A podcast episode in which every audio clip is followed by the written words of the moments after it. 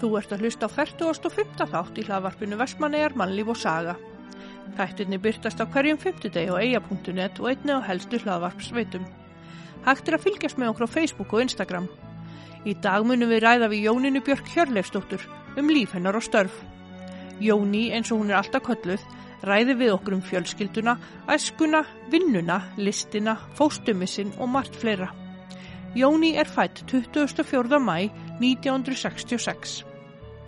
Í setni hluta þáttarins fáum við að heyra söguna Hafísinn sem byrtist í bókinni Sögur og sagnir úr Vestmanneum fyrstu útgáfu 1938 til 1939. Jóhann Gunnar Ólafsson sapnaði efnibókarina saman og útgefandi var Þorstein Jónsson. Þátturum var tekinu upp í félagsmiðstöðinu við Strandveg í Vestmanneum. Kondi sæl og blessi Jónína Björk Hjörleifsdóttir. Já, sælalma. Ertu alltaf köllu Jónína Björk? Nei, ég er nefnilega bara alltaf kallið Jóni. Já, Mér skilst að ég hafi nú bara tróðið því sjálf á mig sem krakki. já, ok. Þannig að það er bara, það þekkjum mér sem margir ekkit undir Jónínunafninu, sko. Nei. Það er bara, heituru, heituru Jónína? Já. Halda bara og heitir Jóní. Já. Algjörlega. En hver er Jóní? Herðu, það er góð spurning, ég er ennþá að spyrja með þessu. Hver er Jóni? Herðu, ég er náttúrulega bara, já, ég er bara eiginkona, móðir, amma, skúringakona, sjúkraliði, Já, ok. hvar viltu byrja? ha, ég hérna, ég á fjögur börn og hérna, og eitt lítinn engil segi ég, um fimm börn. Og uh, þrjú barnaböld og ég er hérna dótti Hjölla Múr og Ingu Haldós sem kom á austan já, og já, ég á sex sískinni en ég bara ansi rík af öllu, já. finnst mér. Ég er hérna að vanda við að segja ekki mikið já. Þar fór það. Þannig að þú afsakar ég er ekki mikið að svara. Það er bara búið að í mig bara Alma, þú segir rosalega mikið já, nennur að hætta því. Og ég tók eftir því sjálf, þannig að ég, en að, já. já. Já, ég veit. Já, Ó, ég er alveg ok, ef ég sé nikka þá veit já, ég. ég er bara líka í stað fyrir að segja já. Skulum hafa það bara fyrir þess. Já, Þannig að, já, hvernig eru fjölskylduhæðinir? herðu, eh, eins og staðin er dag þá erum við Bergur bara heima. Já, hann er á sjó og ég bara sjómaskonan og nota mikið listina sem hækju þannig að, að hérna, já, í dag er það bara svo leis. Bönni mín búa, sem sagt, tvei vestmannegjum, Yngvar og Ester, Ester er kennari og Yngvar er sjómaður eða svona, já, hefur verið með annan fótinn við sjómennskunna og, og, og svona, já. Þórir er hérna er flugverki og vinnur í Sviss og Inga hanna er í námi í bænum. þannig að það er bara nóg að gera á krokkunum. Það var nóg að gera hjá öllum. Já, æðislegt. En hvernig barn og úlingu varstu? Ég, sko, ég var svo tillitsum. Ég átti aldraða fóreldra. Mm. Eh, fóreldra mín er um færtugt þegar ég verð til. Þannig að ég segja ofta að ég hafi verið bara fjandi góður úlingur. ah, ég passaði mér svo á, á að hérna, þau þurfti ekki að hafa áhyggjur og, Mm, og ég held ég hafi verið bara svona krakki sem sveif. Ég er náttúrulega bara með bilaðan aðeinsprest Mm. Og ég er að reyna að hætta að þræta fyrir það. og hérna, þannig að ég er svolítið sveif áfram og átti bara góða vinkonu sem að sveif með mér og Mm. Bara prúð og stilt stúlka. Já, ég held það. Ég held Já. ég hafi verið afskaplega þægilegu krakki. Ég var svona, það kom upp veikindi þegar ég er 6-7 ára gummul og þá kom ég ljósa að hérna, ég var með fóstugalla Mm. sem að hérna skjaldkirtillin var fast við tungurótina og fór ekki niður Ok. eins, og, eins og þessi var líst fyrir mér og ég fyrir uppskur þarna 6-7 ára. Ég veit bara ekki einu sinni alveg viss. Mm En hérna, og það var náttúrulega bara, það uppgötaðist bara fyrir rælni að því að ég átti orðið erfitt með að kingja mat og, þú veist, þannig að þetta, Já, þetta var svo sem ekki það á mér. Ég þurfti reynda sko nei hérna, hormonalif til þess að stækka sinna mér. já, já, Þannig eitthvað, Þannig að það hefur eitthvað rótast í þessu. já, ekki virka alveg eins og láttu virka. Nei, Mm, en þetta var bara, já, svona var þetta bara, já, já, maður bara tekur á, tekst á það sem maður færi, það ekki? algjörlega. En hvernig var að alast upp í eigum? það var náttúrulega bara dásamlegt. Það er svo mikið frelsi í því.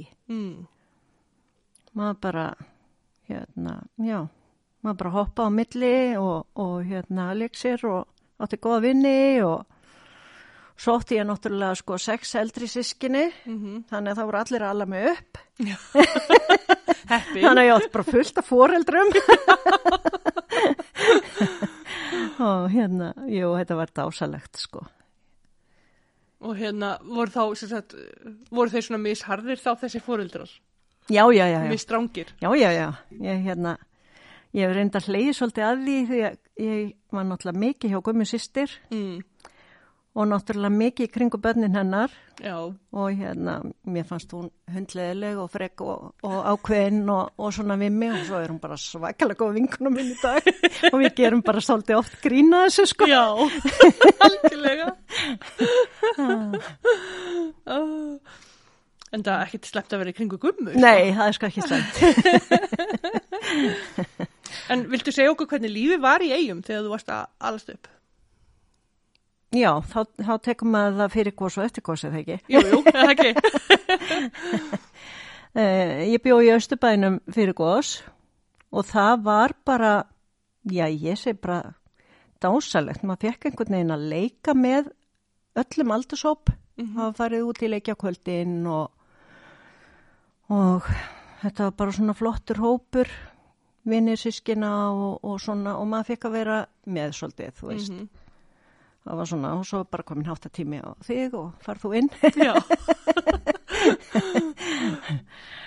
og hérna og svo bara reyndi maður svona að halda í þetta að fara í leiki eftir gósið upp á bröttugutunni að týna saman krakka og, og þetta var skemmtilegur þetta, þetta er voða þetta er voða mikið paradís. Já, að fá allast upp í eigum það er bara svoleiðis ég átti kannski fá að einn góða vini Mm. og hef svona svolítið haldið mig þar þú veist reyndar, reyndar, já ég reyndar þar kannski bakka með þetta það var svolítið það var svolítið svona það var svolítið svona lest heima hjá mér þegar ég var með krakkana litla mm. af alls konar fólki og, og bara, jú, bara notalegt og, og svona svo fann ég það að ég meira svona að halda bara vissum aðeilum í kringum mig. einmitt. Já, bara eins og er alltaf í lífinu. Já, Já, eins og alltaf í lífunu. já. en þú hérna upplifið gósið Já, og hvað varstu gömul þá? ég er á sjönda ári. Já, og mannst eftir því? E, já, ég man eftir bjarmanum, við náttúrulega byggum í Östubænum, þannig ég man eftir bjarmanum þegar maður horfði út í gluggan. Mm En ég man líka eftir hvað mér, þú veist, ég fann ekki þetta stress sem ég hefði haldið, að því ég fór að pæla í þessu þegar ég var sama aldrei og fóldra mínir þarna í -hmm. gósinu, að, að hérna, ég, ég var svo hissa svona eftir á að fatta það að það var ekki þessi, þessi óbúslega streyta sem maður hefði haldið að þegar það kæmi upp svona áfall. Já, Það Kæm, ég held að allir hafi verið bara í vissu áfalli. mm. Þú veist, það hafi bara svona rampað einhvern veginn áfram. já, það farið þetta nefanum sko. Já, Já, ég held það. ég held það líka. Svona, ég náttúrulega var ekki upp á þessum tíma, en, en svona við það sem maður heyrir. þetta er mjög sérstæð, sko, já. En ég man ekkit svo sem mikið, ég er svo ung Já, og ég get ekkit þölið upp þarna og ég manstu þegar eftir þessu hús og þessu húsi þarna og ég er bara, ég vil ekki, já, bara sá heimur við bara horfin. Já, Mm, það er bara svolítið. En hvernig var að koma aftur eftir gós? Það var indislegt. Við vorum, Við vorum eiginlega sko búin að, að hérna, koma okkur svolítið, eða sérst, mamma og pappi voru að byrja að byggja í Hafnafyrði, Mm.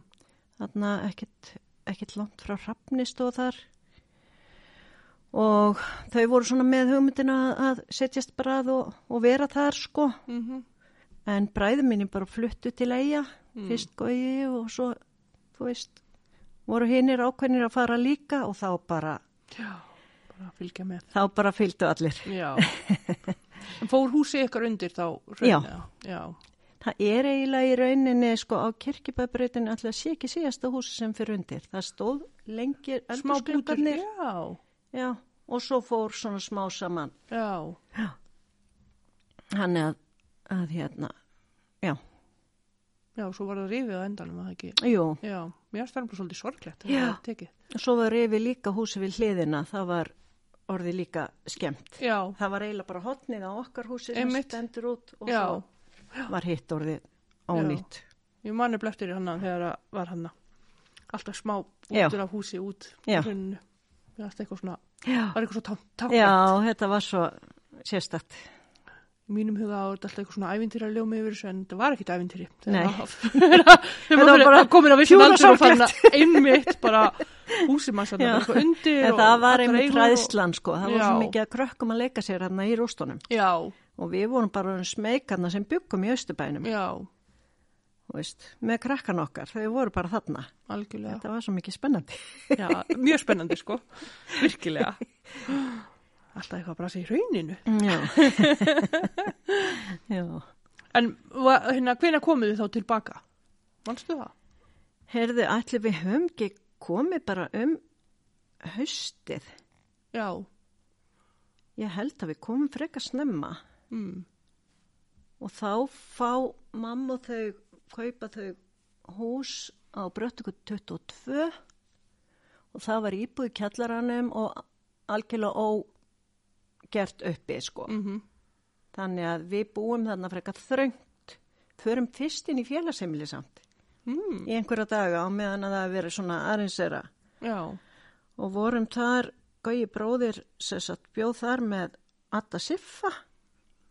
þá félagsmýlið hérna gamla sem er betur í dag. Nei, Nei, upp í, í kviku. Já. og hérna og vorum þar í nokkra daga og svo för við þetta er svona eins og mér minnir að þetta sé Já, já. þú veist. ég veit ekki hvort að vika þú veist. Nei, nei, tími náttúrulega, já. það er ekkert tímaskinn hjá börnum sko. ég tímaskil og hérna uh, og við búum þarna frekar þröngt í einhver tíma ég veit ekki eins og hvað lengi. Þetta er einmitt alveg típist fyrir aðteklisprestin Já, já, svona verður við tali út í gegn. Já, reynir á. og hérna svo fara mamma og pappa byggja á húsi á móti, Brettgöld 25 Já, þannig að við förum í rauninni aldrei upp á efrihæðina mm. hún er bara kláruð og seld. Mm. og haldur á skólastjóri kifti mig minni það já, ok. og hérna, og við flytjum bara á móti Mm. og það er örgulega bara eitthvað árið sinni eitthvað Já. já, Magnað. yes en þau byggðu sko pappi múrari og þau byggðu kirkibæðabröð 9 kirkibæðabröð 20 og bröðkvöld 22 Mm. þeim fannst þetta bara ekkert mál Já, og pappi ítti alltaf á það. Þú veist hvað þú hefur í höndunum eða byggir. Já. Þannig að, já, magnað. Og hérna, og fluttuðu þá í þessi hús eða, eða byggðuðu bara upp og, e, já, að e, mamma pappi byggu með sískin mín á, á kirkjubæðabröð 9 já, og ég fæðist á kirkjubæðabröð 20 mm. og svo eina sem fættist á spítala sískinni mín fættist allir í heimahúsi eða heima sjálfsagt þarna Mm. og hérna og svo bara sérstætt byggjaðu sérstætt bröttgötu 25 Mm. eftir gos. Mm. Dugnar í þeim. Það er rosa töknaður í þeim. Því að það tekur nú á að byggja. kem, kem alveg frá hörku duglega fólki, sko. Algjörlega. Já. Og er þetta þá svolítið stert í, í hérna fjölskyldunni að byggja? Já, ég myndi segja það. Já, Eins og þú hefur kannski tekið eftir. smá. Já, það er alveg, sko. það er alveg, myndi ég að segja, já. Já. Það er bara frábært. Já, Algjörlega. Og hérna, alltaf gott að fá fleiri og fleiri hús og svona. já, já, já. En hérna, finnst þú að hafa grætt eitthvað á því að hafa alveg upp í eigum? algjörlega, Mm. bara að öllu leiti. Bara myndi- frelsi og... Ég myndi segja það, sko. Mm. og kannski ekki nógu svona nógu mikið námstækifæri þegar að ég var að komast upp úr úlinga Mm en það var ekkert ítt á mann endilega, það var ítt meira á ég er náttúrulega með þannig aldra fóldra, það ítt meira á kallmannin Mm að menta sig. Já, já, á þessum tíma. Þannig að hérna, ég fer ekki fyrir en ég er á vel yfir færtugt að menta mig sko í sjúkralegunum Fórstu þá aldrei í framhanskóla og fórst bara kláraði grunnskólan og... og, og ég sem sagt fór einu og enn í framhanskóla Mm. og svo bara leittist mér, ég var náttúrulega bara í mínum drauma heimi sko. Já, og hef löngum verið þar. Þannig að ég tók einu og einu og mér fannst þetta bara drefleðilegt og, og hérna því miður sko því ég segi alltaf við krakkan mína klári, klári, reyna að klára þú ert þessi leðilegt og hérna svo er bóðið upp á sjúkralega nám þannig að þegar ég er byrjuð í framhanskólanum ég ætlaði nú bara að fara að ná mér í sem sagt stúdentinn mm bara til þess að hafa tækifæra á einhverju. Já, og þá er bóðið upp á sjúkralega nám og ég einhvern veginn mér fannst þetta spennandi og stökk til og hafði aldrei unni við þetta. Og hérna og þetta var alveg spennandi og skemmtilegt og allt það í smá tíma svo bara held ég að ég hafi pínu kert á vegg. Mm. þannig að, að hérna já. Þannig að ég vinn við ræstingar í dag. Vinn bara 40% vinnu og reyndar kann rosalega vel við það að því ég er ekki vakt að vinnu en ég sakna alveg gamla fólksins já, það er bara svolítið þar já, einmitt.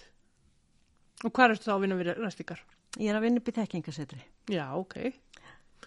Í nýja, hérna, fiskihúsinu. já, Já. Geggjað. þannig að ég hoppa þar á milli og var alltaf í 50% vinnu og svo var að fara að bæta við að því að það er byrjað að bætast við þriðjuhæðina sko Mm -hmm. og Fablab þá spur það ég ekki? bara Er ekki fablab uppi? jú, Já. Fablab og, og fiskistofi komið þangað og svo yfir að fara að leia skrifstofur. Já, ok. Þannig að þá spurði ég bara hvort ég mætti ekki bara fá aðra konu á móti mér Mm. Og það var ekkert mál. Þannig að núna vinn ég 40% og hún 40 og við skiptum þessu og getum bara svona svolítið leist hvort að. Einmitt. Það er geggjað. Það er bara geggjað. Algjörlega. En hvernig upplifur þú samfélagið í Vestmanniðum? Sko, ég upplifi það bara á dásanlegan hátt. Um, þegar maður er í svona litlu samfélagi, þá verður svona, hvað getur maður sagt, það verður svona samheldni Mm -hmm. og þegar eitthvað kemur fyrir eins og maður hefur orðið vörfið, að þá einhvern veginn stökkva allir til. Mm -hmm. Árið 2000 þá mistu við til dæmis góðan vin og við vorum, sagt, við vorum að leiðin að flytja í húsi við hliðina á honum og gerðum það sko, hann bjökum þar í tvö ár. Og, og þegar að vinkona mín missi manni sinn þá hérna er maður bara að hjálpa til og vera til staðar og svona og ég held að hafa ekki liðið klukktími likku við á milli án þess að væri bankað og henni fært eitthvað. Mm. Þú veist, það er bara magnað að vera í svona samfélagi þegar að eitthvað bjátar á. Mm -hmm. Algjörlega. Þannig að við, sko, auðvitað verðum að var við kæftagangin og, og það sem að gerist líka þegar að eitthvað er, en það er bara svo, það er bara svo gott að vera í svona litlu samfélagi. Mm. Er mikið um kjæftagang? Ég heyri aldrei neitt, þannig að Ég er til dæmis hægt að segja hérna til hamingju þegar að stelpur eru óléttar því að ég lappaði upp á einni ykkur tíða fyrir nokkrum árum og alveg til hamingju var að heyra og verið ólétt og hún alveg, Alma, það er sex mánuði síðan ég átti, er ég ennþá svona feit eða? Ég alveg bara, guð nei, fyrir kemðu. Þannig ég ákvað bara, ég segi ekki neitt ég sé ég, barni ég bara. er einnig rosalega mikið dottin út Já, maður bara svona svolítið, jú, jú, maður verður auðvitað alveg, alveg var við eitt og annað já, en það er bara spurning hvernig viltu fara með það mhm, þú veist viltu stoppa það í fæðingu eða Mm. viltu, þú veist hjálpa Nei. því að nærast eða já.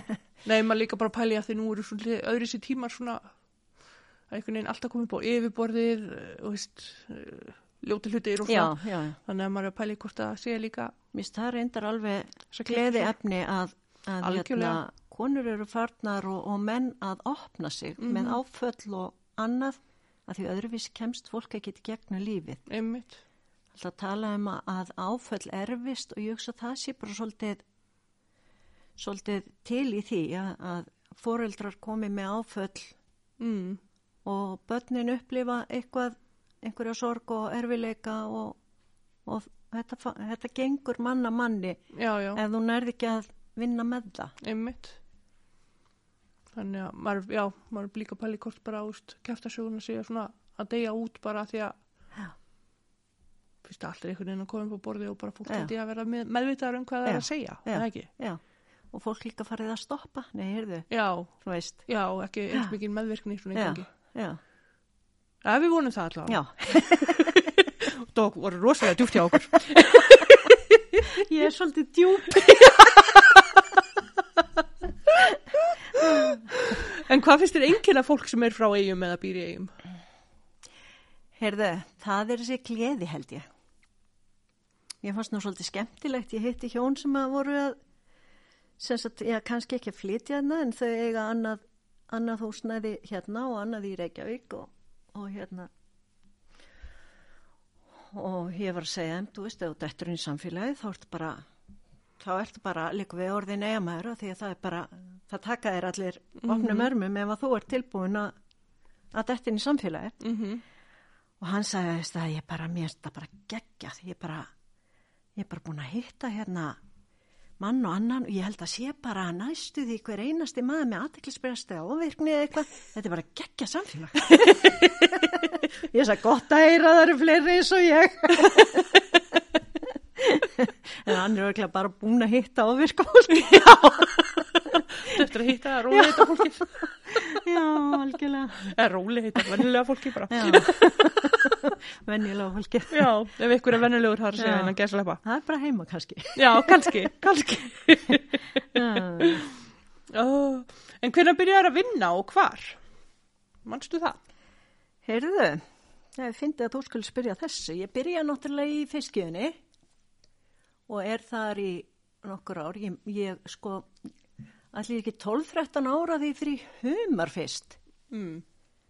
Svo fyrir maður að vinna á, á hérna, gólfinu í fiskiðunni og svo fyrir maður upp á vélum, upp á vélar og það er bara svolítið skondi. Ég er að þrýfa þetta svæði sem ég var alltaf að vinna og bergur kynnumst í fiskiðunni og Já, ok, hann er svona romantísk og bara þetta voða. indislegt að vera skúra og bara í gömlu minningunum. alveg bara að verst að ég er svo hérna, ég er svo, eh, það er búið að breyta svo miklu að ég er alveg betur hvað var áttu hér Já, en, en hér, hvað var áttu hér þannig að hérna, og svo fer ég að vinna hjá fóreldriðinu vissir það? nei.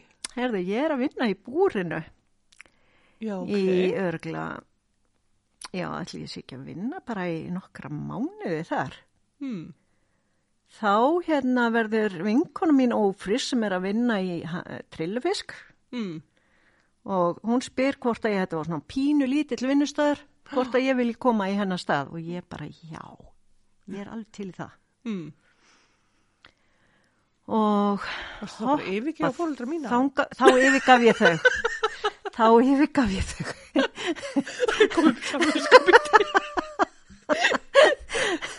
en hérna, það var rosa gott að vinna í búrinu eina sem ég var hrættu það var svona stundum mislu sem kom úr raunin og einn Já, ok. Þess vegna voru samlúkunina svona góða. Nei, nei, maður hérna lyfti bara fótunum, það var ekkert verið að narta í neitt. Nei. Það var allt í skápum. Ah.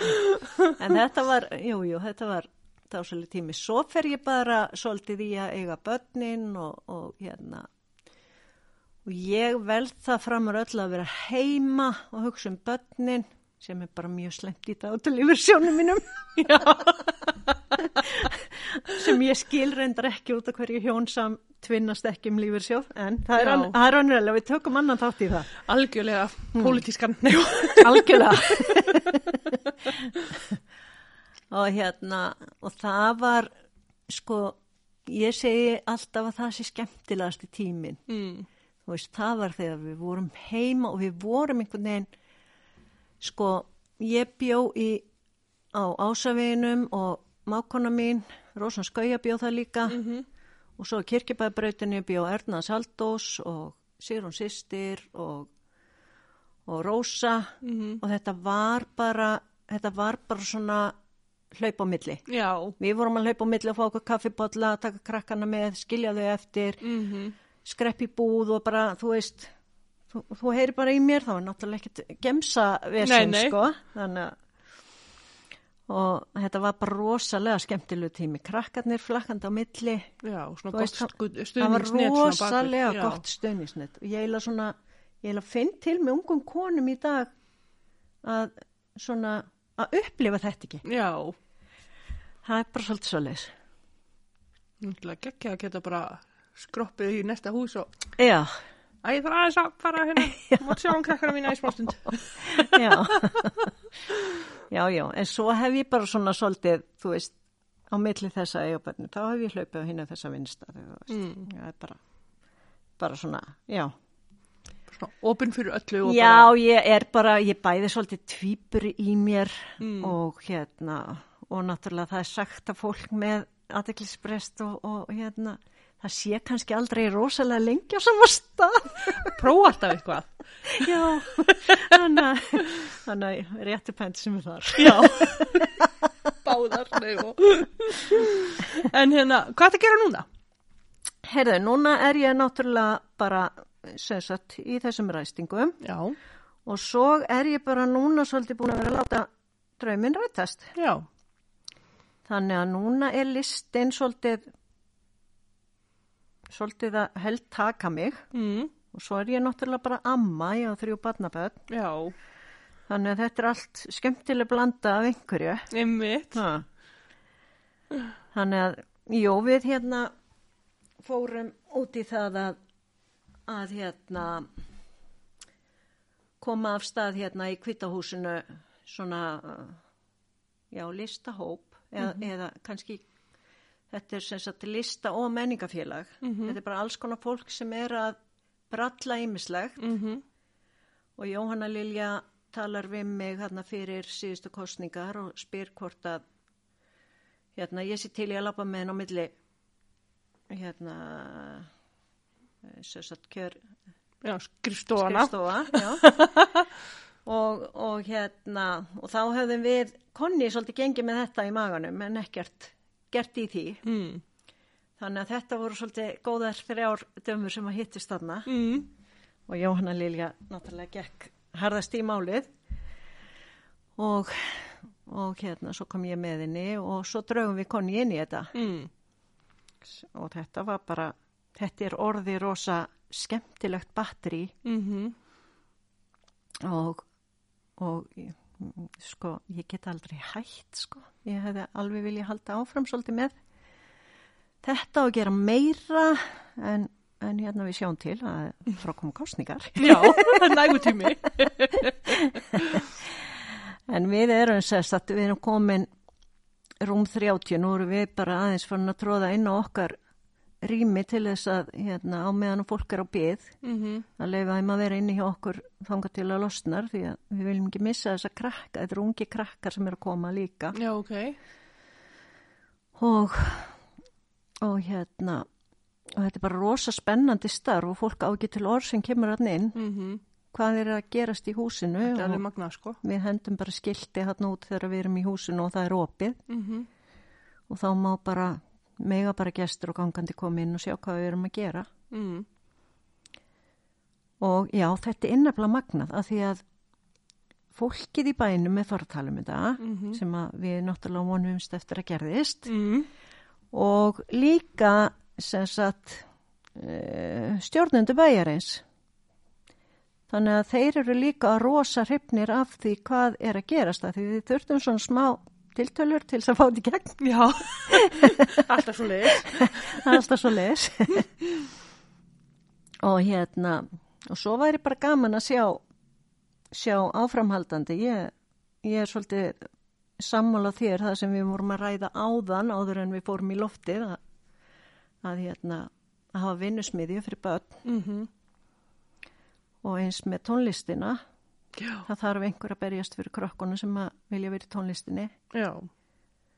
Þetta er svona, eða fyrir aðeins að fá að fara í út í þá sálma bara, endilega nýta þetta Já. podcast. Þá er svolítið skrítið hvað er, og ég, alls, ég er alls ekki að lasta einn eða neitt, Nei, veist, nei. ég ætla bara að taka það frá upp strax. En það er rosalega skrítið að það er hérna, látið mikið fjármagn í Íþróttafélagin sem Já. er bara frábært Já, því já. að það er fullt af krökkum þar. En það er einhvern veginn gleymist svolítið að setja pening í krakkana sem eru ekki já, ég er sammála í Íþróttum. ég myndi, ég myndi og- vilja sjá einmitt þessi frístundakort Já, að það er því sótt í eitthvað svona Mm. líka að því það eru krakkar sem að fitta ekki inn í íþróttum einmitt. og ég var einmitt svo veist, ég fittaði bara ekki Já. ég bara, þetta bara trublaði mig Mm að vera innan um svona marga. Ég hefði sjálfsagt verið ágætt í frjáls íþróttum en hérna en þetta er bara það þarf bara rosalega vel að því við græðum á því setna mér Algjörlega. þú veist, Nei og líka bara vera með, þú veist, hérna, bara afþreyingu fyrir alla já, sem að hendar öllum, Já. þú veist. Þannig að, og ég veit um, um fullt af krökkum náttúrulega sem hafa komið inn í leikfélagið, já, sem hafa verið svona, já, bara svolítið rótlausa því þau hafði ekkert að gera. En, en voru, þau voru bara að koma til þess að fá eitthvað smá sköpunagliði, eða svona lostum við hana, já, en aftur á móti voru kannski ekki alveg á réttu vettvangi. nei. En nú erum við búin að fá styrk í viltu hafa áhrif. Ok, og það er það er eitthvað í sambandi við við erum ekki búin að setjast niður og ræða það, það verður Mhm. bara það verður Já, bara já. spennandi saga hjá einhverjum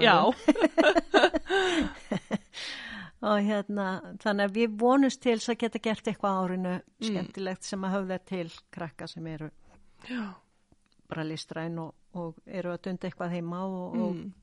og foreldra, ég, ég er svo ána með unga foreldra í það, þau íta krökkunum í þess átt líka. Mm Það er ekki bara að vera að íta krökkum í íþróttir og nei, þú veist.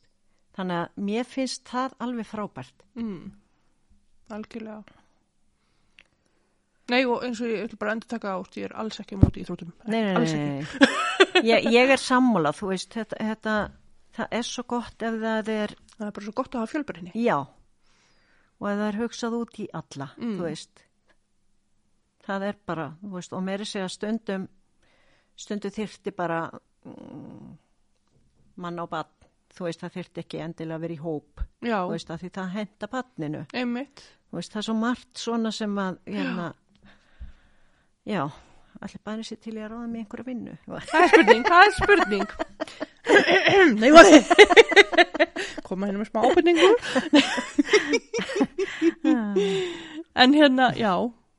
Þannig að hvenar vaknaði þinn listræni áhugi?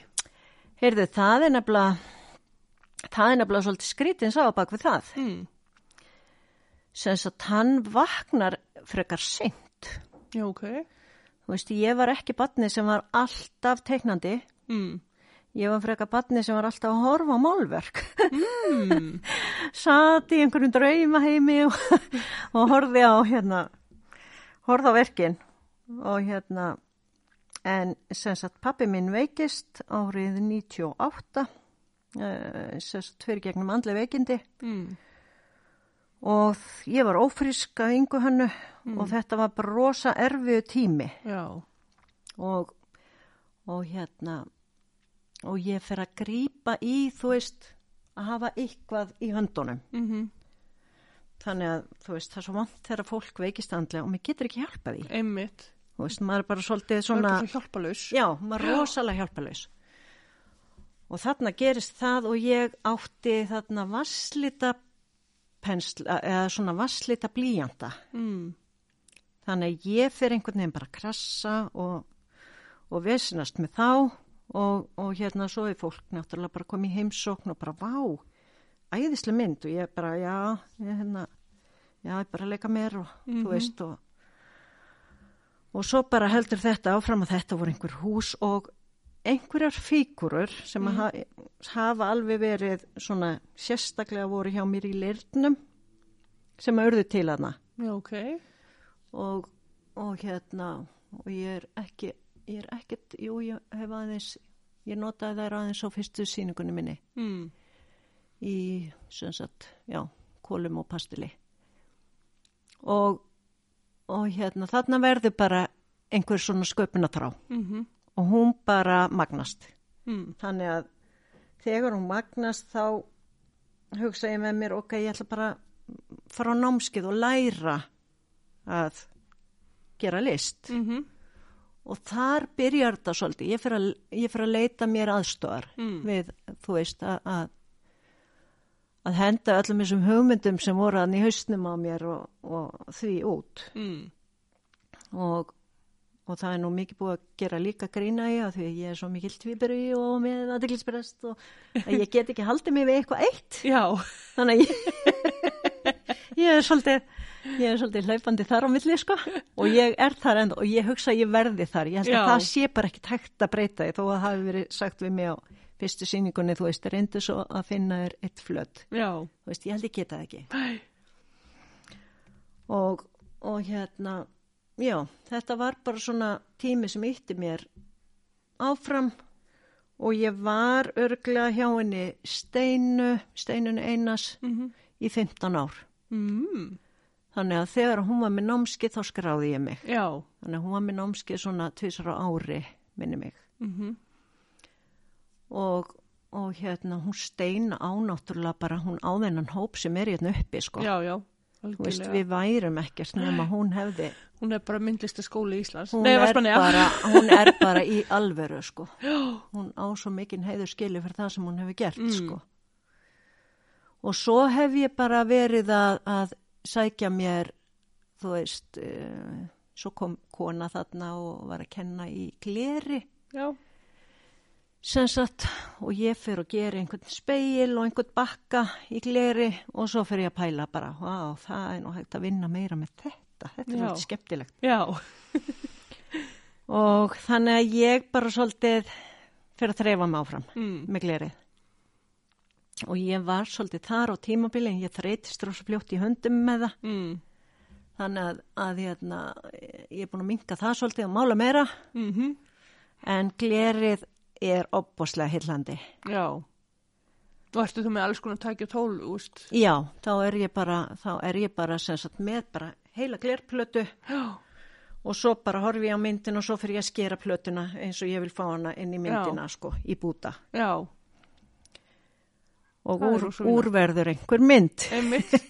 Já, þetta er svona mósækler. Svona. þetta er mós, já, Já. þetta er litagler Já, ok.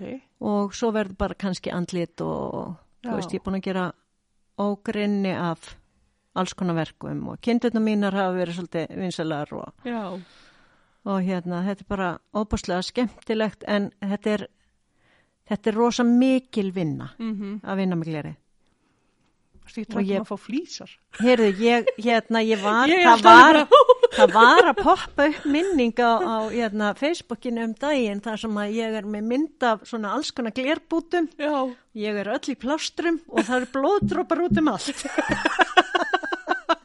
ég var þar fyrst. Já. En ég gafst ekki upp. Ég mitt sæði við anda bara svona Já, puttalegs. jú, jú, jú, svo er ég kannski komin heim og þá er bara ein flýsa ögn. Já, Bara, einmitt. þú veist, Ó, alveg bara, óh.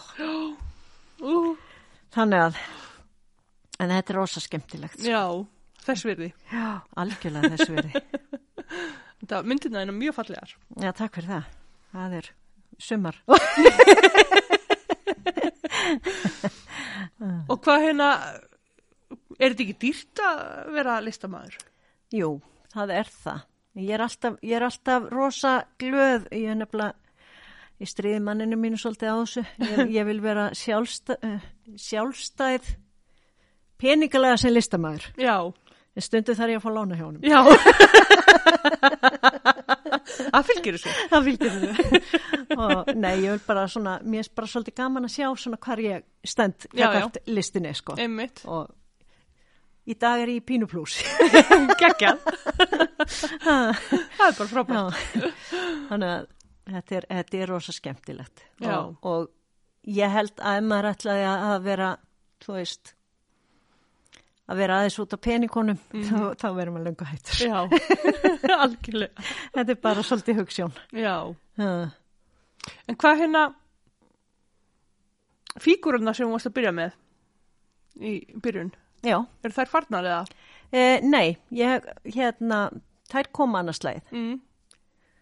Þannig að, að hérna, ég hef ekki, minnir að ég hef ekki málað þær í ólíu. Mm. En ég notaði þær bara ofbaslega mikið í lernum Mm og, og hérna í þessu, þessar sýningu hérna í, í kolokrít. Og mér þykir rosa væntu þær. Mamma og pappi áttu alltaf mynd af þrem konum og það var trúan og kjallegur -hmm. á myndinni. Mm Og ég gæti setið bara tímu saman og horta á þessa mynd. mm. og mér ást hún óbóðslega, það var eitthvað sem að bara tókaði mig alveg algjörlega inn í þessa mynd Já. og ég notaði trúfón og kærleik í þessa fíkuru sko, Já. þú veist akkirið og, og hérna krossin og hjartað. Mm og þær voru svolítið ríkjandi þegar ég var í leirnum. Nú er leirin alveg fann að toga í mig. Já, kom með, ég kom með tvo póka leir heim. Þannig að hérna, jú, jú, þetta er þetta er svo skríti hvað maður er einhvern veginn leittur Mm. í. Nei, ég heyrði nefnilega einn daginn sem að hún er reyndar búin að vera að gera myndir af þess að svona ég veit ekki hvað þetta á að vera Nei, ég veit ekki nafnið vera en alltaf hún er, er með svona andlit sem hún er að vinna með. Og hún sagðist bara að þetta andlit er bara fast. Já, það er bara, hún, hún losnar ekki við það sko. Það verður, það verður bara stundir svo leys þannig hún bara fram, fjöldaframlegir hana, en þau eru aldrei eins. Nei. Það er Alveg bara málið. þannig að, og það er skemmtileg, ég nota stundum þú veist, ég, ég klipp úr blöðum og ég tek myndir og, og, og hérna, og ég get staðið eins og þú veist, ég veit, ég, ég, ég vona Kristjana sé ekki að flytja um nágrunna því hún haldi að ég sé geðbylu hann að hinum eins en ég nota stundum ég stend stundum fyrir fram að sjónvarpi með síman og bara tek mynd af sjónvarpinu þú veist, það sé ég eitthvað það er svo flott í skuggar og það er svo flott ljós og og þú veist, fíkuran er í svona kjól og þetta, þetta er svo rosalega flott og ég bara stendur Já. fram á sjónvarpið og tek myndir sko. og hérna og það er svona það sem ég er aðeins að fykta við núna sko. mm, þannig að það er svona það, það er margt sem að bara veldur þessum innblæstri. Já. Þetta er bara spurning um hvað hvað dettur inn sko. einmitt, algjörlega. Ég bara, ég er svona aðeins að byrja að æfa mig andlitum og mér mantar alveg upp á þar en ég fór samt á námskið hana Karli Jóhanni núna mm, og lærði heilan helling sko. Já, og það er bara rosa gaman að að hérna vinna áfram með það. Spennandi. Kemur ljós. Já, hmm. er því gaman? Þetta er bara eitthvað annað sko. Mm, og nú er sko nú er barnabönnin fann að koma aðeins og mála sko eins og mm, sérstaklega eins og fyrir jólin þá ringja þær og bara amma langar að gefa mamma pappa einhverju jólagjöf. Já. eitthvað mála hjá þér. Æ, indislegt þannig að þú fyrir svona dýrmæta stundi líka. Og Það það, er svo dásalegt já, og ég held einmitt eh, sko talandi um krakka þau eru svo þau eru svo ekta þau eru svo það er svo eitthvað í þeim sem að færa að flæða Mm. þú veist. Þau, og ég, það eru góði kennarar þú veist sem eru líka að koma að þessum krökkum áfram sko mm virkja ymdunaraflið og sköpunagleðina og... sköpunargleðina, já. þetta er bara aðeinslegt. Mm. Já, hvað get ég sagt þér? Ég er búin að vera í mósæki líklega 7-8 ár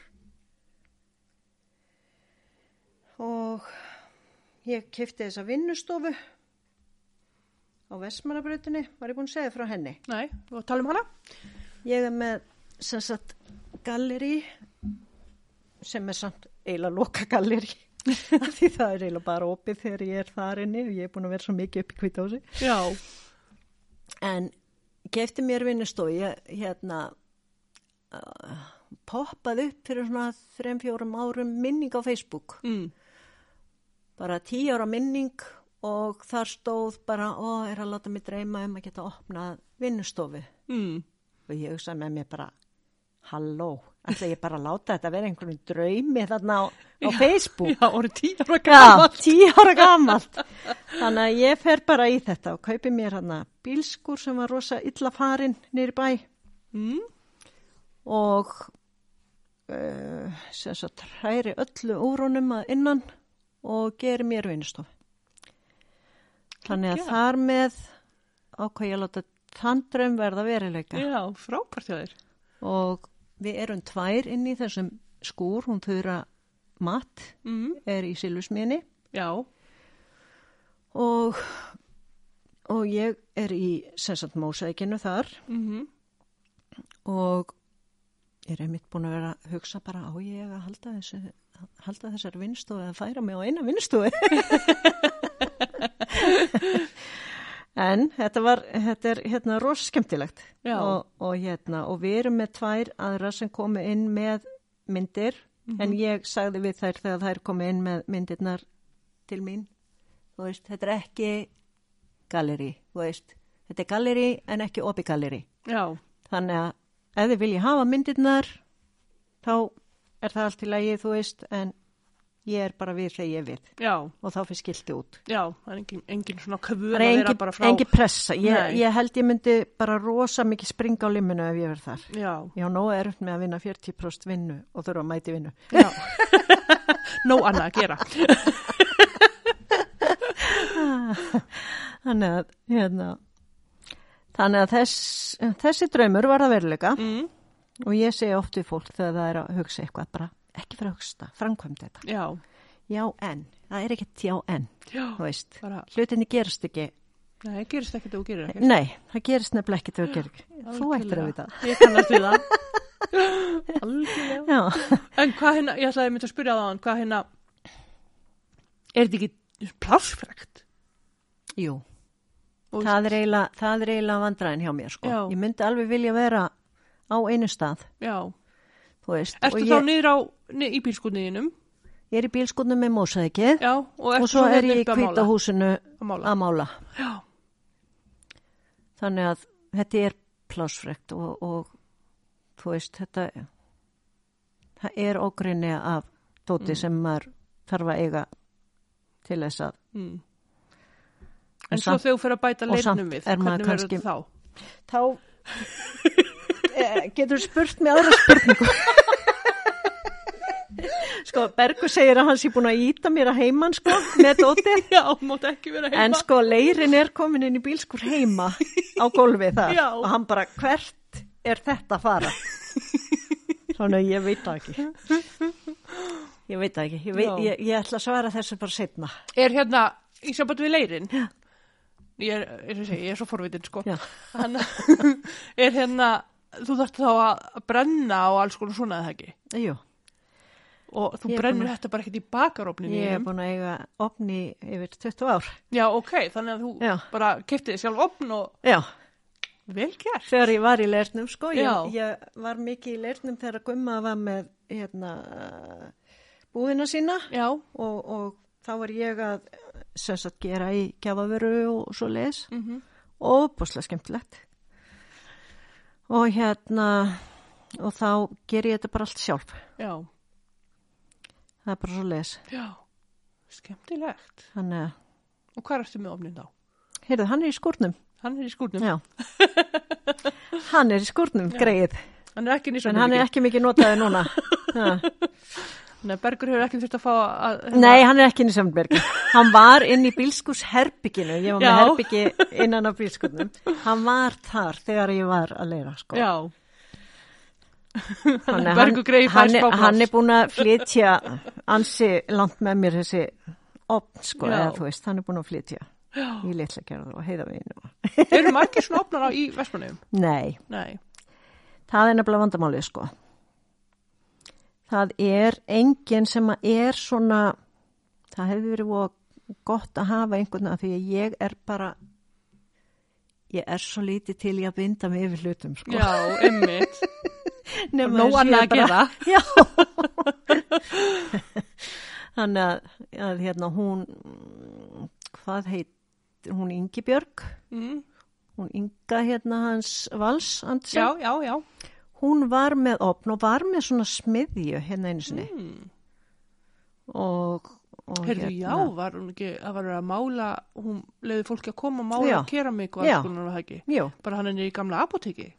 hún var þar en á undan því held ég að hún hafi verið heima hjá sér í kjallaranum, sko. Já, ok, magnað. Já. Þannig að ég fór á eitt námski til dæmis þanga í leirnum. Hún held og flott utanum svona, Já, svona skemmtilegt verkefni, sko. já. Finnst þér vera óvinni mikið af listafólki í Vestmanniðum? Já, Heldur þetta að hafa eitthvað með náttúrun að gera og já, ég, kraftur úr jörðinni? já, ég veist að ég held að, að það sé eitthvað sem að, sem að tógar og eflir og Mm. að því að sko þegar við byrjum með þetta hérna uppi í kvítahúsinu þá ætlum við að leia bara aðrahæðina Já, og, og hérna það bara sprakk eins og bara sprakk úr höndunum á okkur um leið sko. Já. Og þannig að við tökum, við hefðum eiginlega þurft hérna kjallanan heldur að sé falur Það er spurning, gera samningu Vestmanni að bæja að losna. Bara flytja fél og innafærna enn einhver. að því núna erum við pínulítið byrjuð að fá sem sagt kalla sem vilja koma og er að gera eitthvað sko Já, og það var eins og geggja að vera með bara pínu samfélag fyrir þá, já Vekstaði bara með rélum og grænum. rennismíði Ó, já. Ég sé þetta fyrir mér. já, það er því bara sko geggjað Algjörlega. það var hægt að halda námskeið í bara svona þeirra áhugasviði að því að kallar, ég, ég segi alltaf kallar verða að hafa áhugamál þeir hægt að vinna Já, það er bara, þú veist, við eigum einhvern veginn auðveldara með allt mhm, og, og þú veist, þeir eigu ekki svona auðveld með margar hluti eins og. Eins og við Og kannski ekki mikið íbúði fyrir þá þegar maður fyrir að pæla. Nei, nei, Þú veist, þeir eru kannski ekki mikið að prjóna það þurft á- að vera á mótilsmiði, það þurft að vera rennibekkur, það þurft að vera, eh, þú veist, svona meira síðan og... mósæki myndi henda Já, köllum til dæmis já. alveg. Eru margir menn í, er karlmenn í hérna félaginu uppi? Já, þeir eru nokkrir, Mm? Þeir eru nokkrir, en ég, ég man ekki töluna sko. Nei, nei. En þetta er náttúrulega langmestir hlutin konur, Mm. en þeir eru að, þeir eru að koma og þeir eru að, að bætast í. Já, það er geggjað. En hvernig komstu á þann stað sem þú ert á? Ætli það sé ekki með þrjósku. Mm. Ég hugsa það. Þú veist, ég held að, að, að hérna, það er nú bara stundum með listafólk, þetta er bara svona svolítið, ó, svo mikið sveimhauði og hvað hann að láta sér dreyma. Og, Mm. það, þú veist, þetta, þetta þarf ákveðna, þetta er bara svolítið svoleiðis, bara góðum minn góður. Það nú að vera einhver svona listaspýra.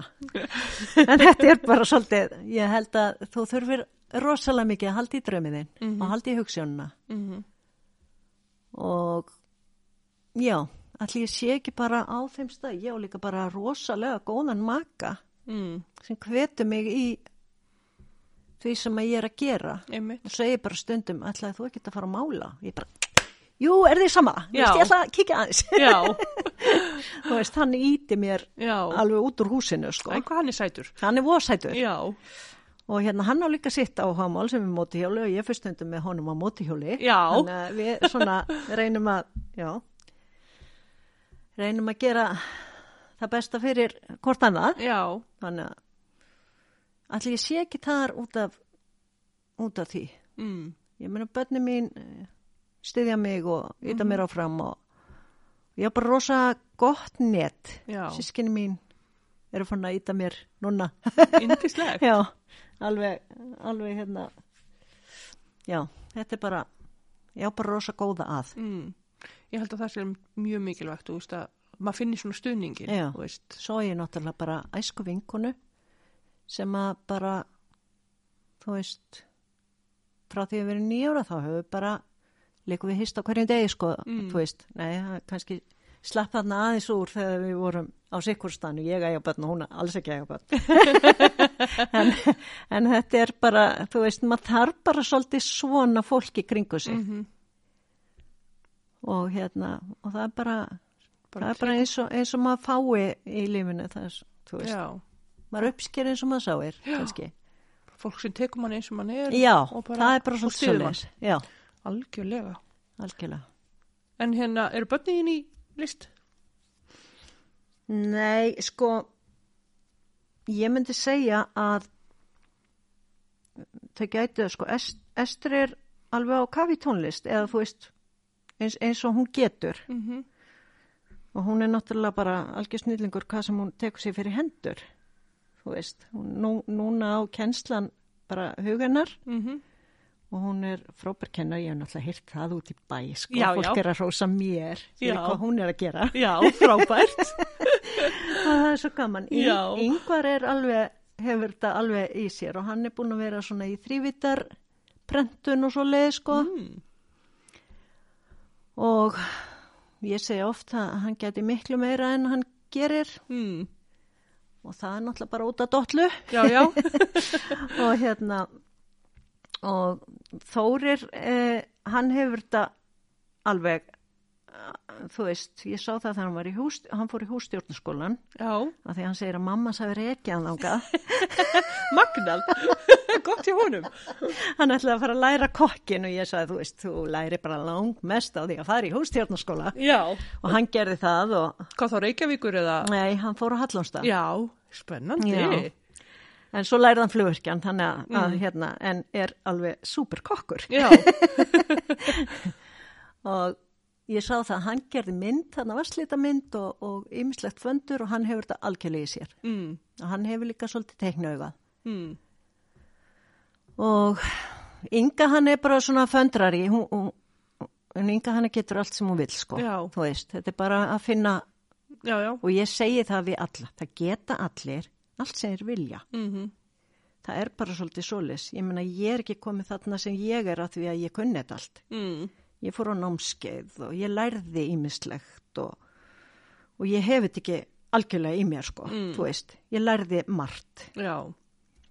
og, og Það þarf að leggja svolítið á sig. það þarf að leggja á sig Mm. og þannig verða hlutinir til. Já. Já. Spennandi. Mm. En hérna, hefur ykkur ráðlegginga fyrir þá sem hafa áhuga að vinna við það sem út að vinna við? Hvað er best að byrja á svo leis? Það er bara að skella sér í myndlistara háskólan. Nei. Já, ég myndi se- segja, þú veist, að skella sér í myndlistan á. Mm. Þú veist, ef þú hefur, þá hefur alltaf þann grunn hvað sem hún ferð að gera síðan. Mm þú veist og það er bara rosa held ég gott að vera með þessa myndun, ég er alveg búin að láta mig dreyma um það að vera að Mm. mynda mér í þessu það kemur kannski einn daginn, ég er bara 55 ára, bara, unglam. hver veit, hver veit ha. En að koma fárulega spurningu sem þú getur kannski bara ekkert svarað. Er fólk að fara í myndlistanám sem að er bara algjörlega grænta bak við eirun og hefur aldrei tekið upp pensil? Vist það, ég bara hef ekki hugmyndum. Ég held þurfir, þurfir að hljóta alltaf að það sé eitthvað sem tógar í þig. Já. Þú veist, Já. ég held að það hljóta að vera. Það þurfa að vera einhver svona, ein, einhver áhugi. Já. Ég þarf að, að hérna, komast að þessu. Já, þú þarfst Nei, að kosta forunni þessu. En það var einu svona myndlistaskóli hérna. Já, Já, hérna myndlistaskóli eða var þetta bara, erst að meina hjá honum Páli? já, Já. Þetta var, þetta var, sko Gíslína hefur tekið okkur í svona Já. námsefni Mm þar sem við fengum svona einingar fyrir Já, ok. þannig að það var um, þú veist, hún er búin að gera rosa góða hluti hérna sko Já. þannig að það er þetta í rauninni veistu að þetta myndi held ég alveg nást hér Mm ef það þarf bara einhverja x marga svona listnám Já.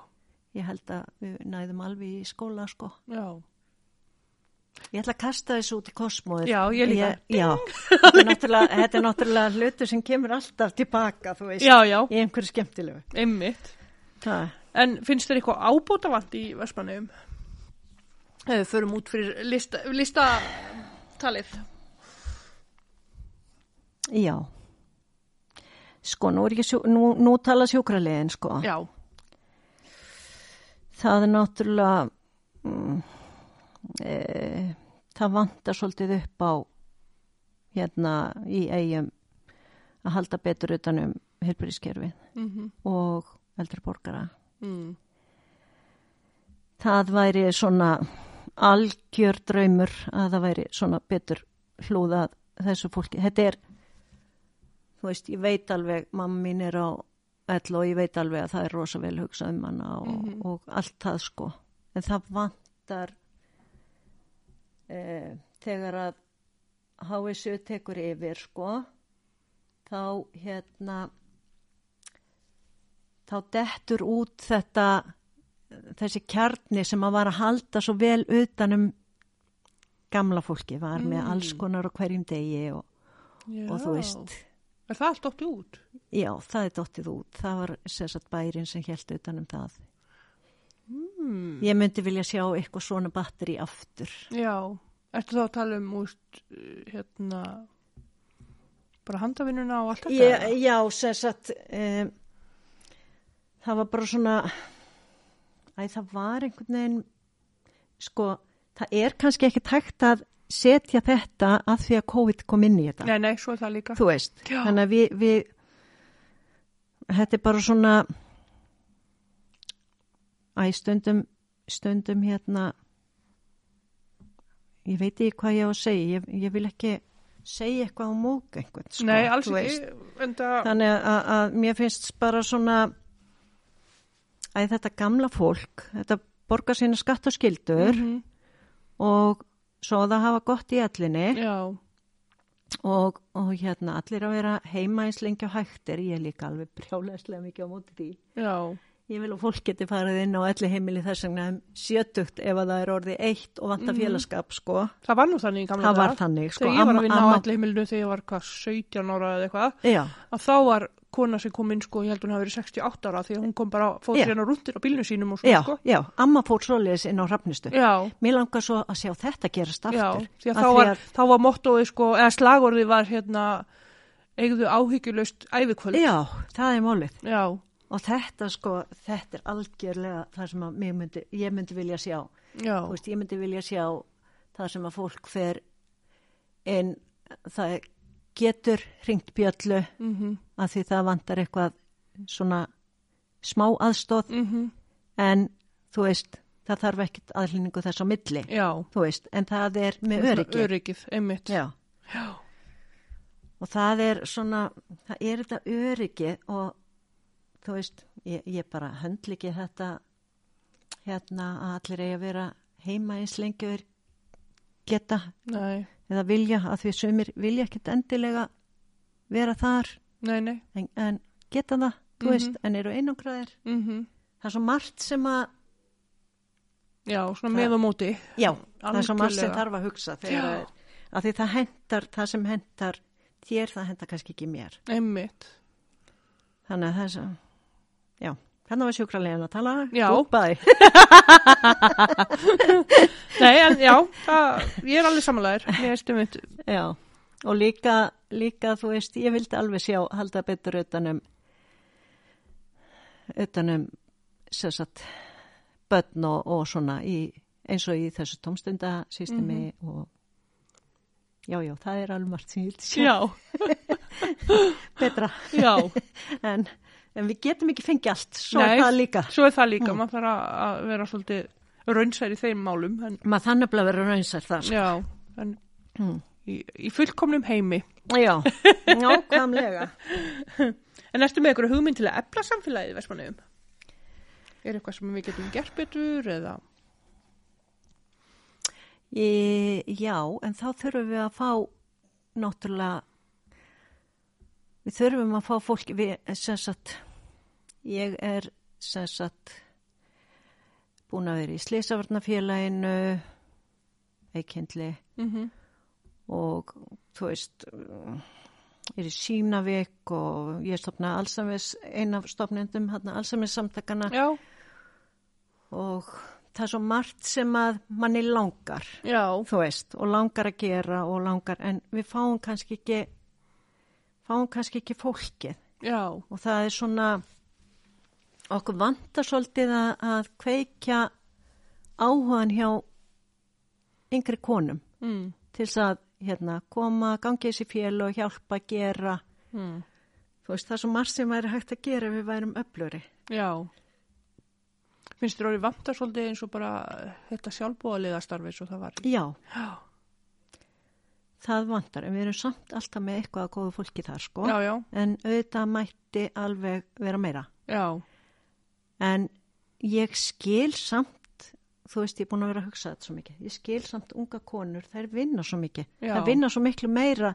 Við fórum í þessi félög að því að okkur bara pínu leittist að hitt ekki fólk, sko, þú veist. Þá fórum við að hittum bara allt önnur andlit heldur við vorum vöna að hitta hverjum degi, sko. einmitt. Og, og hérna, ég skil alveg að, að hérna, þú veist, þá eru ungar konur í raunin að bæta bara meira á sig. Já, Þannig ég veit ekki hvernig við getum bjargað þessu. nei. það er góð spurning. Já. En svo hefur maður verið að sjá til dæmis að, uh, ég veit til dæmis að það eru ykkur eldri borgara sem fara í skólan að hjálpa krakkarum að lesa. Já, það er magna. Það er einmitt, var ein, eða er ein sem að var að mála með okkur, eða er að mála með okkur. Hún var þar, sem sagt, Þá fyrir COVID vantarlega. já, og, og bara fyrir nokkrum árum, sko, Já. tók þetta. Og þetta er bara svolítið magna. Já, Og væri sjálfsagt þetta að gera meira, já, kannski að virka meira ást. já, ég, Þess vegna öryrkja líka á. já, já, og inn á leikskólinu að lita með krökkum og Já. þú veist, það sem að, Já, þú veist, jafnvelín og ellu og vera með ykkur aðreyingu. Já, það er reyndar sko, það var, það var alveg komið og er held ég að einhver leiti. Það er lesið fyrir fólkið Já, úr sögum og, og gamlum rítum og, Mhm. og sem er mjög einst alveg frábært sko. já, Og hérna, já, þannig að já, þetta, við erum búin að sá þessu út í alheiminn. En hver er uppáhald staður þinn á í honum? Hérna, ég náttúrulega, sem krakki fór ég með pappa út í LA, Mm, þannig að LA er ná alltaf svolítið st- stórt í hjartanu sko. já, og hérna og maður bara svaf í efstu kóju og, og það var bara reykt í næstu kóju og. Rosa heimilislegt og kósi. rosa kósi og það var örglega bara svona orlof fyrir mömmu að Já. pappi tók okkur með. Já, þannig að já, ellega myndi ég að segja heimaklettur. Já, heimaklettur bara að það er einhver orkaðna sem tógar já, svona uppáhaldstæðinir. já. Mm. En hvern, hvernig finnst þér viðhorf annara gagvart eigamönnum? sko það er mismunandi. Sum, sumum finnst eigamenn bara rosalega montni sko. Já, og rosalega opnir. Já, en ég held að þegar að þú kemur inn í samfélagið og kennist fólki og svona þá svona svolítið kveikir á. Mm maður sér allavega rosa marga bara detta inn hérna sem þeir eiga sömarhús eða þannig ég held að fólk sé bara að mestu opikakvart okkur. Já, er það ekki? ég vona það. Já, En hvað gerðu þér til gamans?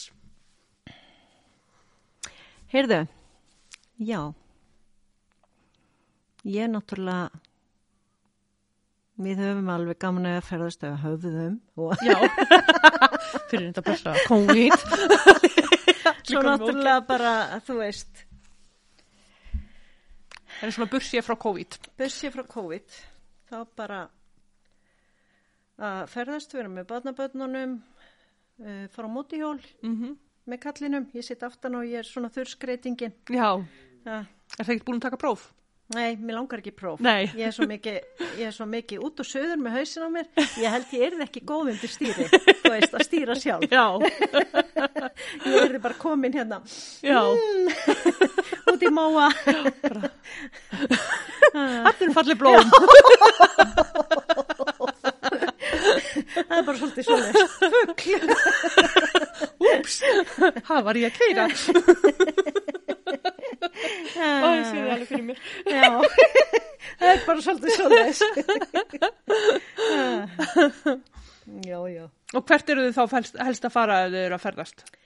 Heyrðu, við höfum bara, Er það að ferðast Farið- innanlands eða? já, sem sagt, við höfum farið til Svíþjóðar Já, á hjólunu til Sverige. og, og hérna, Já, fóruðu á hjólunum þákað? já, við fórum eins og hjólunu, þá hérna var, Tókuðu þá bara norrænu og... þá var Inga hanna, já, þá var Inga hanna að keppa Já, fótbolta og við ákomum að fara hjólinu og, og hérna og við vorum vinsalast beðin um það að vera búin að klæða okkur úr mótihjólagalunum og láta ekki sjást í gallana þegar við kemum á völlin. Hæ? Hún var náttúrulega ólýsaldri. Já, þú, já, mam, já, sérst, dótti þín baðið það. Dótti mín. Ég líka, held ekki að þjálfaran er eða eitthvað væri bara, það væri bara eitthvað, Alveg crazy. nei, nei, Bara, hún, var, hún var að við komum aldrei þannig. já, Fannst ekki fyndi að mamma og pappi verið að ferast það um er bara mótihjóli. virkilega hallaræslegt. En já, já, það var bara, það var bara rosa gaman. Og hvað, þá sylduðu þið hvert? Þá sem sagt sildum við á Damörku. Já, og keruðu það hann uppi til. Já. Þá í, til Gautaborgar eða, Já, já, þá förum við bara þarna og, og hún var að keppa ábyggilega. Já, ég man ekki eins og hvað hún var að keppa. Já, það er best að ég sé ekki að segja Nei, svo nei. ég far ekki að segja einhverju vilsu já, og hérna og svo vorum við bara hjá Ingo að möttu og, og bara það er alltaf rosalega skrýta að geta ekki farið þangað að við förum bara þangað á hverju ári sko. já, og það er svona mikið til gamas mhm. og Ég fórum mitt eftir 23 ár, kíkti aftur á Já. það, 2019. já, var mjög skrítið. og meiri sér sko bönguðum við upp á í gamla húsinu sem ég, ég hérna var hjá möttu sem hefur betur að að skoða. við rúpistakli? Líka bara, döng, döng, döng. Hæ, ég er hérna með gömlu auper, stúkurum mína, með við komum að skóla og kallinn bara, já, ekkert má. Og ég var alveg bara, matta, hvað er þetta að gera? Matta er svo æðisleg sko. Hún veira sér sko ekki við eitthvað svona. nei, Þannig að við röltum bara um húsið eins og hún ætti eða þá. Það var alveg æðislegt. Já, Virkilega gaman. Og bara æðislegt að sjá hvað þau eru búin að koma sér vel fyrir. já, algjörlega. En náttúrulega svo er ég náttúrulega bara í listinni líka til gamans. Já, já, já. Ég líti ekkit á þetta sem vinnu meira Nei, bara að hafa bara gaman að lífinu. Einmitt. Algjörlega. En ertu prakkari?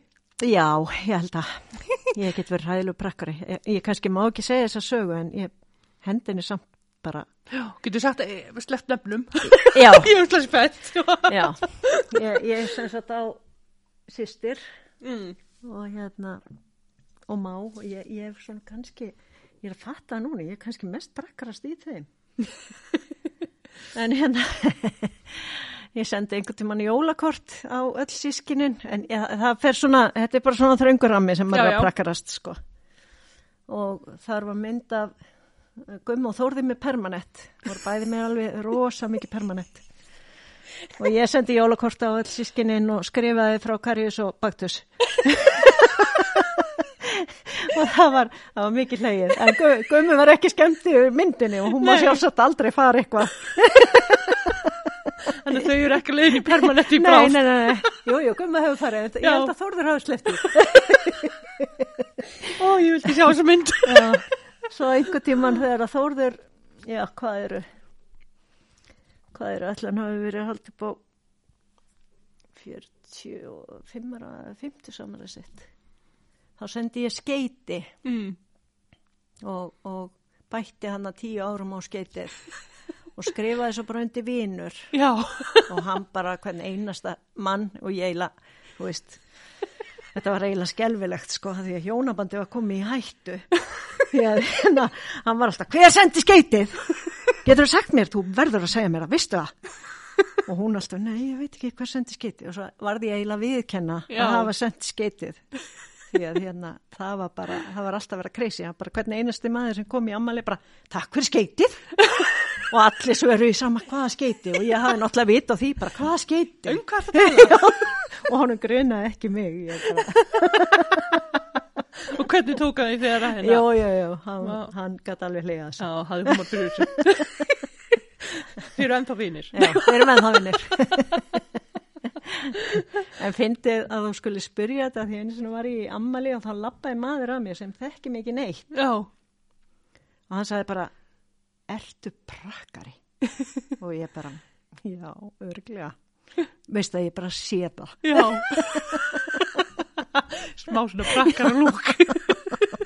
Það er eitthvað. Já. Æ, það er svo gaman að gera eitthvað svona. Já, já, það er svona, ef það, það það, særir ekki. Algjörlega, ef það meiðir ekki. engan. En áttu einhverja sterka minningu eða sögu sem vilt deila með okkur? Herra Guð, það er storti spurt. Ég hérna, já. Um hvað? Bara því ég krakki fullorðin bara þú með ræður. Bara bara, sem poppar upp. Já. E, já. Ég, ég hef nú oft sagt að ég, ég er svolítið först í hérna uh, þegar ég misti misti hérna fóstur, ég var gengin, gengin hérna sex mánu að leið.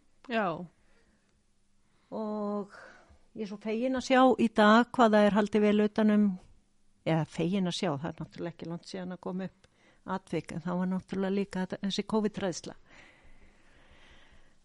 að hérna uh, drengurum minn er sem sagt jarðaður með gammal konu. Já, og, og hérna og það þetta er 87 og það var svona það mátti svona rosalítið ræða þetta. Já, ok. Og bara þá einhver ókunni konu sem að, nei, þetta var reyndar sko mamma og pappi vin, vinafólk þeirra. Þetta var mamma mannsins. Já, ok. þannig að ég tekti fólkið og ég gæti ekki hugsað mér að setja á betri stað sko. Þú veist, þann, þannig sko. Og ég er svo fegin hvað hérna hvað hlutin eru komnir í betra.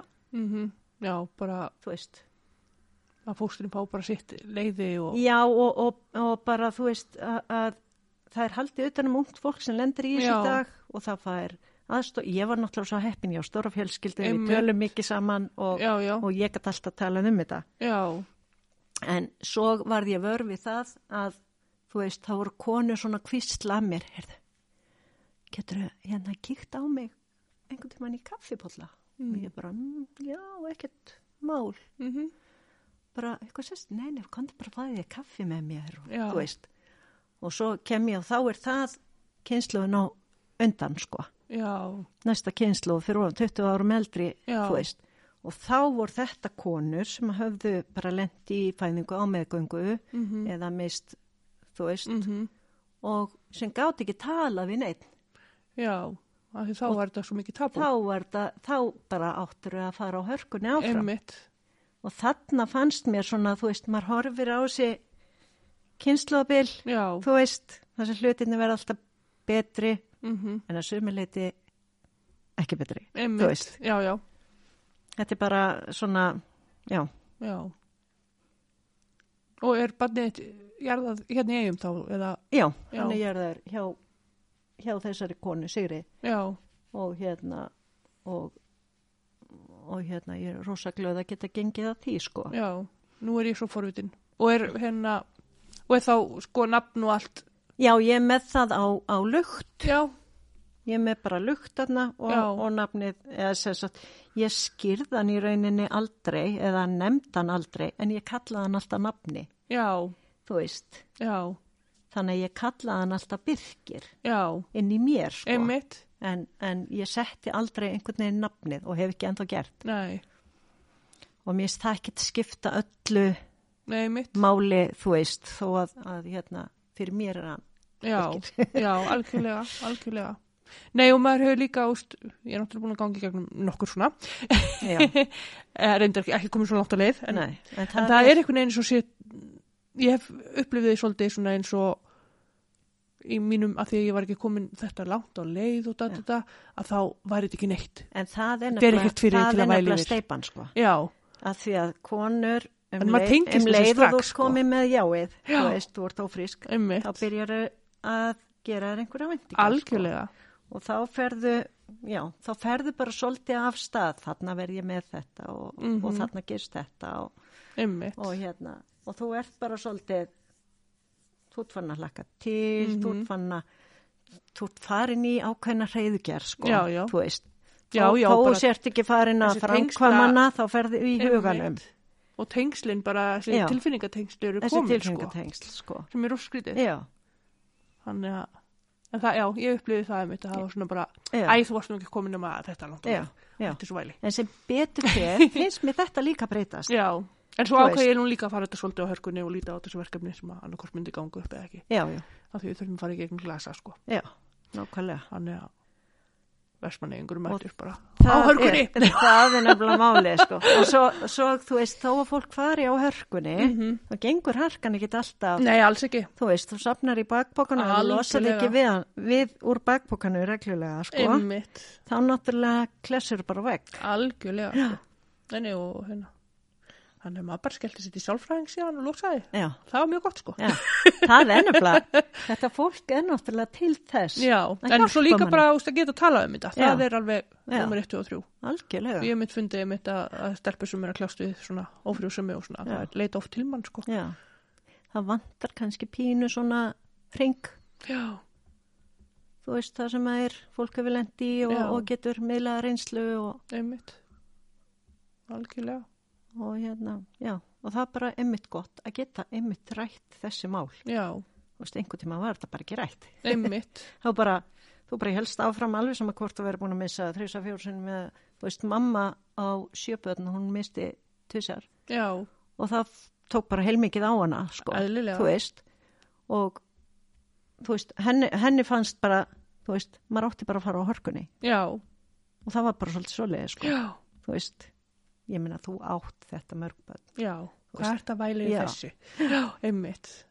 Mér finnst það líka rosalega sérstakur það er svo, það er svo margt sem er sérstætt Bara, þú átt þetta fimm börn, skiptir ekkert máli. eins og var hérna í gamla daga þú veist, Jú, það skiptir máli. þú átt fimm börn okkur gefur ekki sýstiðin eitt barn þú veist, og það var Já. gert Já, ég meina þetta er alveg já, út af fyrir sig eitthvað sérstætt sem þurfti að tala um einmitt. Vá, en þetta týrkaðist já, það er alveg ótrúlegt. já, það er alveg magnað sko Mm. Ég mitt las postiðin hann á Facebookun daginn. Bara virkilega fallilega lesning. Já, já þannig, þannig var ég svolítið, ég, ég, hérna, ég áða til að skrifa svolítið í bók, þannig að það sem er, hangir á mér, sko. Já, Það er svona ymmislegt sem hangist stundum á manni Einmitt. og það var bara gott að skrifa það. já, kasta Og- því út í alvegum. Kasta því, já, Mm. kasta því aðeins, þú veist, svo Einmitt. getur maður að lesa þetta og svo bara, já, var þetta svona? Ég var einmitt að lesa um daginn, einmitt þegar ég misti, sko. Mm. Þá var ég að lesa, ég skrifa árið setna niður svona smá ritgerð Já, og ég var alveg bara svona, já, var þetta svona? Við myndi að þetta hefði verið pínu öðruvísi, já, þú veist. já, já, svo náttúrulega því maður er í hálf kvartin bóðu og svona, þá ertu náttúrulega alveg og maður er náttúrulega bara krakki, bara Já. 21 á sko. já, fyrir utan það, Þannig veist, það er eiginlega svolítið, þú veist, svo bara, svo bara þroskast maður og eldist og, Mhm. og svo verður þetta allt í einu ekki endilega mesta áfallið. Það það er bara ýmislegt annað sem verður að áfallið sem maður kannski ræður ekkit einmitt, algjörlega, endilega, sko. já, en bara takk kærlega fyrir að opnaðum þetta og bara Takk að vera opinn, bara, já, hérna, Takk fyrir að fá að koma og segja frá. bara, Bara rosa skemmtilegt. já, er eitthvað sem þú vilt segja svona lókum? Nei, ég, bara, ég er bara svo ána með eh, þessa podcast þetta og bara hvað hérna, hvað það er bara skemmtilegt Takk fyrir það. umhverfið hérna og Já, takk Ha. fyrir. Og hérna, og ég er alveg búin að vera vanda með að segja ekki mikið já og einmitt. ég sá það. Nei, ég sá það er greinlega, þú ert að ná þessu. Píti tunguna hérna. Er bara svona kækur sem að Já. bara kemur. Ah, Nákvæmlega. Þannig að, já, Það er bara svo já, bara takk kærlega fyrir að koma og spjalla og ég hérna, er ég ætla að spyrja eina spurningu áður og ferð. Já. Ég ætla ekki að, ertu búin að halda marga sýningar? Heyrðu, Og ertu með eitthvað sýningu kannski á, ég er Á búin að, vaninu? ég búin að halda tvær engasýningar já, og ég er náttúrulega, það hefði náttúrulega verið synd að segja ekki frá sérstaklega annari, sko. Eða, nei, sérstaklega báðum. Ég hérna held upp á, ég held fyrstu engasýningunum mína eh, ámæli Stænars pappa, hann hefði orðið nýraður mm. og, og hérna sem var náttúrulega bara skemmtilegt og, og ég var svo kvíðina að, og stressuð að ég glimt að segja frá því að ég væri að opna sýninguna út af ammælsteinum hans já, það fylgir þessu. Og hérna og ég veit ekki, ég veit ekki einu sinni hvað ég sagði þarna, ég var svo stressuð sko. svo opna ég e, á Kaffi Milano þarna í mars og það bara lokar kaffihúsið held ég tveim dögum setna eða þreim dögum setna eða daginn eftir eitthvað, Mm. veist út af COVID Einmitt. þannig að þá komst ég að því hvað hérna miðlarnir er góðir Mm. Þannig að ég var alltaf að henda inn myndum af sýningunni og segja bara að þú veist Mm kaffihúsið er lokað en Já, þessar já. myndir er á sýningunni. Og ég seldi náttúrulega pínu svoleiðis. Frábært. þannig að, að hérna, maður á auðvitað að vera duglega að nota þá. Já, svo er ég búin að taka þátt í alveg góma samsýningum. Já, bara ég bara, ég er núna að fara í februar á Art 67 mm með Litka listafélaginu, ég er í öðru listafélagi ok. Var það upp á landi þá eða? það er á lögveinum Já, ok. og hérna og svo erum við að fara að vera með síningu núna í júni hérna í Eyjum Mm.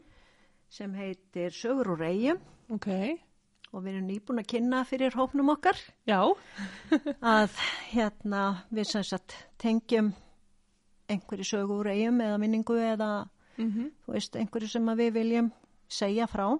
Spennandi. og við erum búin að fá styrk til að setja það í bækling. Já, þannig að, að myndin og sagan kemur í bækling. Mm og svo ætlum við að hafa opið á góðslokum eins og við höfum gert í kvítahúsinu -hmm. og við konni erum mjög líklega að fara að taka þátt í, hérna, í skálholti ok. uh, síningu í sumar og svo erum við væntanlega bóðin á útilistasýningu með grósku. Mm. þannig að við fáum vonandi að taka þátt í því áfram. Það, Það er eða skemmtilegt. Já, Já, það er hann við Ílströndina. Já, og og, og, og svo hvað var ég að spá? Nú datt ég út. Ég, ég er ekki smá. Ég er Þú búin að vera svo dugleg. Ég er búin að vera svo dugleg. Ég Ég, er eiginlega rosa lítið búin að dett út. En hérna, það hleit að koma að því.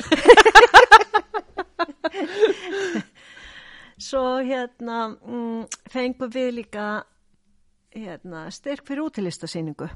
já, hérna eigum. Já. Kekkja. Þannig að við hefum eftir að ræða betur við bæin um það, hvernig við, hérna, það er náttúrulega bara kostnæliðun sem kostar við að, Mm koma okkur af stað. Svo bara komum við til með að eiga til þess að halda áfram. Já, spennandi. Þannig að þetta er rosalega spennandi. Það er bara mikið margt framöndan. Spennandi. Já, algjörlega. Það ég segja lendamál. Endilega. Eða það er ekkert lendamál. Mhm. Mm. Ég hérna kann ekki að teikna Óla Prigg, sko. Teikna hausinn það sem að fætunar er að vera á eitthvað. Nei, en ég kefti mér hérna vasslita málingadót og, og ákvaða að gera það áramóta heita að læra vasslitamála. Eða hvað, hvað segir maður? Vasslitamála. Hvað segir maður? Glæsir. Mála með vasslitum? En á ég segja er Anna Lindamann. Já, segir mér. Ó, við erum konar á trúnó. Mér finnst þú hetja því ég er ennþá manum í vasslítina. Já, mér, ég, ég fóri mitt nýri í hennar miðstöð og var eitthvað að tala við Villa og hann alveg horfið á mig og bara Alma mín, viltu ekki byrja með akril fyrst? Nei, ég ætla að fara í vasslítina Já, já, þú vilt bara byrja það sem er erfiðast að gera sko Já, mér finnst það. Ég er alltaf að í þetta.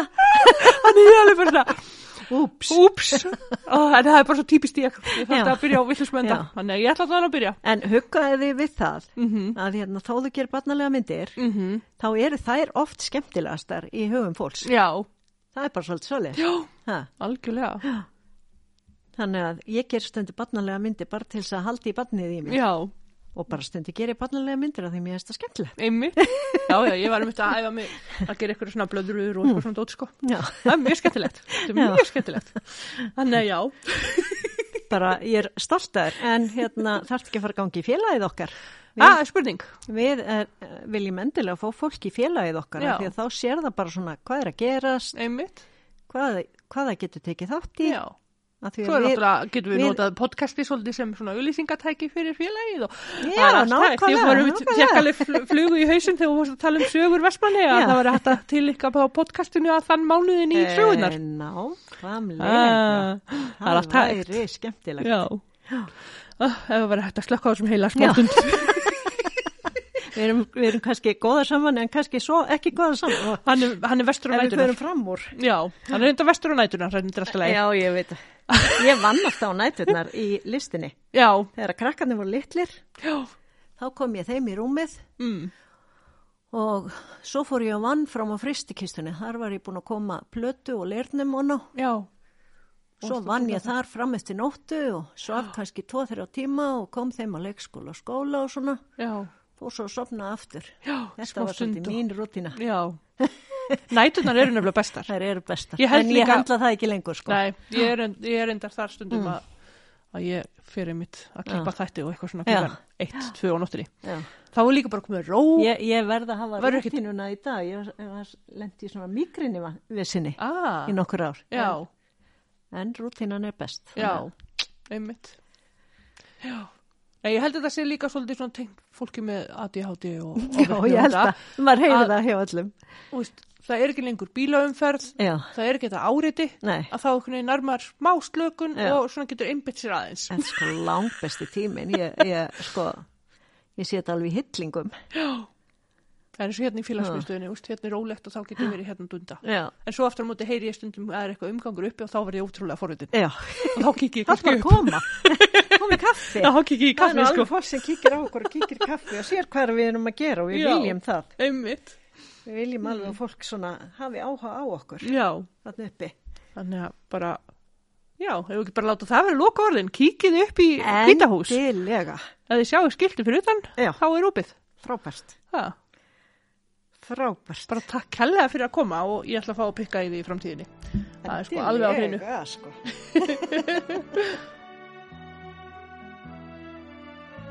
Nú veru lesin sagan Hafísin úr sögur og sagnir úr Vestmanneum. Fyrsta útgáfa 1938 til 1939. Jóhann Gunnar Ólafsson sapnaði efni í þessa bók og útgefandi var Þorsteinn Jónsson. Hafísin Í júnimánuði árið 1888 kom svo mikill hafís í Vestmannegar að öll höfnin og flóin fylltust af ís. Kaupskipin voru þá komin við vorvörurnar og lágu á höfninni en ekki varð komist um borði þau nema gangandi á ísnum. Hrannaís láð þá austur með söndum og ísætla við dyrhólagi. Var ísin svo mikill og þéttur að ekki varð komist á sjó í Vestmannegjum og horfi nú til hinna mestu vandraða vegna björgarskorts. Gunna skálda, Gunna Pála, var þá enn á lífi og átti heima í tómthúsinu Kuðung. Var hún talin mesta ákvaða skáld ef hún vildi það við hafa. Í vandraðu sínum kom mönnum nú saman um að leita til Guðrúnar og fá hana til þess að yrkja á móti ísnum og reyna að flæma hann burt. Til fararinnar urðu þrýr af bestu mönnum sem þá voru í eigum og höfðu þeir með sér fulla brenniðisflösku því að þeir vissu að Guðrúnu þótti sopin góður. Let Guðrún til leiðast og orti hún þrjár vísur og let þau orð fylgja að ísin myndi verða horfin eftir þrjá daga. Vísur Guðrúnar er á þessa leið. Á engla sapni er engin stans, oss við föllum styðja, Guðsí nafni og græðarans, göngum öll að byðja. Ævér stöndum öll í nauð, í einu hljóði það er, aftur söndu okkur brauð, abba góði faðir. Hæsti standi herrans að, helgan fyrir sónin, blíði anda beri það, bænin, trúin, vonin. Brá svo við að þegar tóka losna um ísinn og var hann allur horfin eftir þrjá daga, svo að menn gáttu aftur komist á sjó og aflað björg í bú. Sögn Sigurðar P. Ottssonar